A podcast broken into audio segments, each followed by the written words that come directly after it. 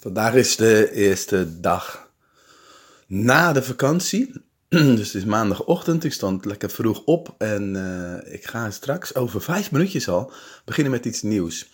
Ik ben bezig om expert coaches op te leiden en zij gaan mijn klanten van Expert Academy en de Focus Masters helpen om meer focus te houden. Om eigenlijk komt erop neer om, uh, om gewoon klanten binnen te halen. Punt.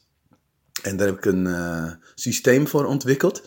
Dat is nog niet helemaal uitontwikkeld, maar um, dat ga ik vandaag introduceren. Dus het is nieuw, het is exciting, het is leuk om te doen. Ik doe het online via Zoom. En um, ja, dat gaat fantastisch worden, joh. Dus uh, ik, uh, ik hou het kort.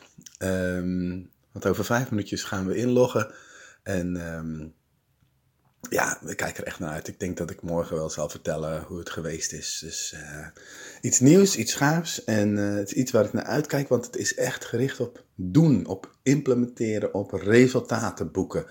Er zijn te veel mensen, ondernemers, die wel van alles willen, maar het niet gaan doen. En dit gaat ze echt enorm helpen. En by the way, het gaat mijzelf ook enorm helpen. Want de boodschap van vandaag is: als je ergens les in geeft dan moet je zelf dus een voorbeeld zijn. En dat betekent dus, moet ik zelf ook focus houden en bij de les zijn en de dingen doen die ik van plan ben om te doen. En daar verantwoording over uit, uh, afleggen, want zij zullen naar mij kijken van, joh, uh, doe jij wel wat je zegt dat je gaat doen? Dus. Ik wens jou een hele fijne dag. Misschien luister je dit wel en denk je van, oh, maar ik kom straks online.